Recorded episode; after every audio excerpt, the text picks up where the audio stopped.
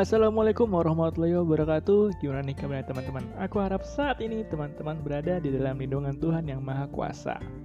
Tetap diberi keselamatan, tetap diberi kesehatan, tetap diberi kelancaran bisa menjalankan aktivitasnya sehari-hari. Yang kuliah bisa tetap kuliah, yang kerja bisa tetap kerja, dan yang beraktivitas lain tetap bisa beraktivitas tentunya. Nah, kali ini aku pribadi bakal ngasih tips and trick bagaimana caranya kita itu melatih kemampuan berkomunikasi kita ya jadi kalau misalnya kita berbicara masalah kemampuan berkomunikasi sebenarnya komunikasi itu sendiri bukan tentang seberapa hebat kita ngomong di depan orang banyak beda kita belajar dasar dulu terkait nanti kita bisa belajar ngomong di depan orang banyak itu sebenarnya tingkatan dari komunikasi itu sendiri. Nah, kita berbicara masalah dasar. Sebenarnya komunikasi itu apa sih? Jadi komunikasi itu intinya adalah menyampaikan sesuatu yang ada di dalam pikiran kita dan oleh orang lain itu dipahami dan diberikan feedback. Itu sebenarnya syarat dari sebuah komunikasi. Artinya kita menyampaikan informasi, sesuatu yang ada di otak kita dipahami oleh si pendengar atau lawan bicara kita dan si lawan bicara kita ini memahami apa yang kita katakan. Intinya sebenarnya di situ. Dasarnya di situ. Nah, adapun nanti kita berbicara masalah diplomasi, kita berbicara masalah public speaking, itu adalah tingkatan dari beberapa kemampuan berkomunikasi. Ya. Jadi kita bahas mendasar dulu tentang komunikasi yang baik itu seperti apa. Nah, menarik teman-teman.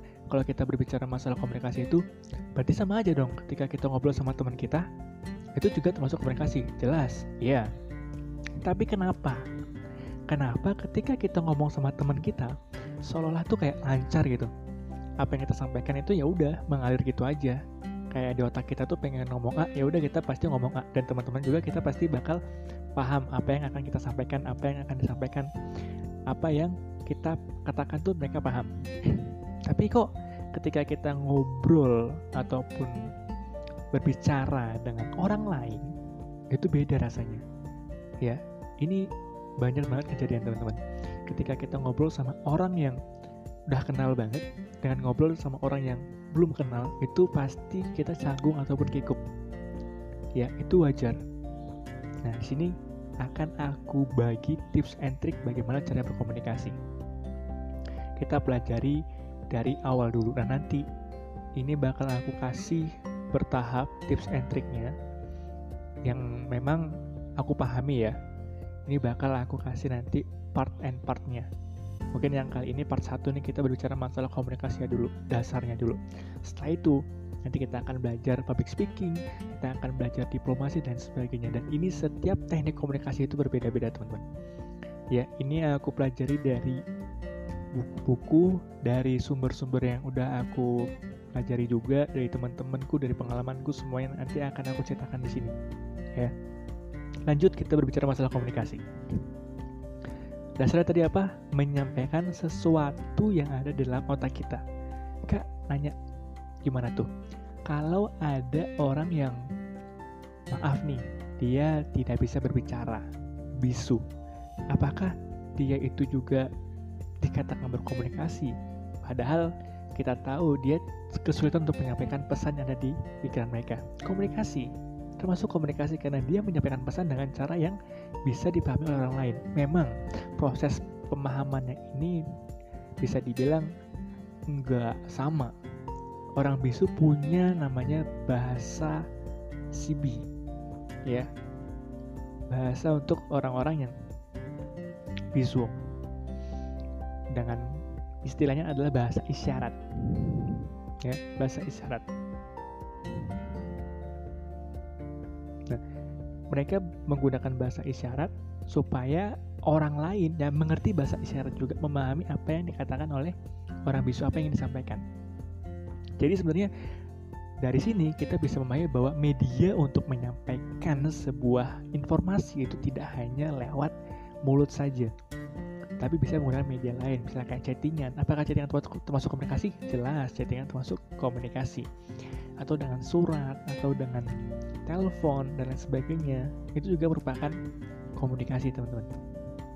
Nah, terus biasanya ada nih yang bingung. saya kadang suka belibet kak gitu ya apa yang ada di pikiran saya sama apa yang saya katakan itu terkadang beda nah kapan kita tahu bedanya ketika ternyata si audiens kita ini memiliki pemahaman yang ketika kita ngomong dia memikirkannya A dia pahamnya A. Maksudnya oh ketika kita ngomong tuh dia mendapatkan maksud dari apa yang kita katakan itu A. Padahal yang kita maksud itu adalah B. Ini kejadian. Sering banget. Nah kenapa seperti itu? Biasanya hal ini tuh terjadi ketika kita menyampaikan sesuatu yang rumit misal. Meskipun kita ngobrol sama orang yang kita kenal ya kayak teman sendiri. Ketika kita menyampaikan sesuatu yang rumit atau bisa dibilang bahasanya itu cukup tinggi yang nggak bisa disampaikan dengan bahasa sehari-hari misal itu biasanya terjadi. Ya ketidaksesuaian antara apa yang kita pikirkan dan apa yang diterima oleh pendengar. Itu terjadi. Atau kita ngomong sama orang yang belum dikenal ya sebenarnya di otak kita ini udah paham nih. Udah bisa kita sampaikan dengan bahasa yang uh, bisa dibilang secara pengertian itu nggak berat ya. Bahasanya itu ya udah bisa kita tuliskan dengan bahasa sehari-hari. Artinya gagasan yang disampaikan itu bukan sesuatu yang sulit untuk disampaikan gitu ya. Tapi karena kita belum kenal kita tuh ketika ngomong tuh kayak berhati-hati gitu loh. Kayak berhati-hati dan akhirnya si audiens nih karena kita ngomongnya belibet karena kita ngomongnya tuh agak kikuk dia akhirnya gagal paham juga dengan apa yang kita sampaikan. Nah ini sering banget terjadi. So bagaimana solusinya? Gitu ya. Apalagi biasanya hal ini terjadi ketika kita akan presentasi misal atau akan menjelaskan sesuatu kepada teman kita.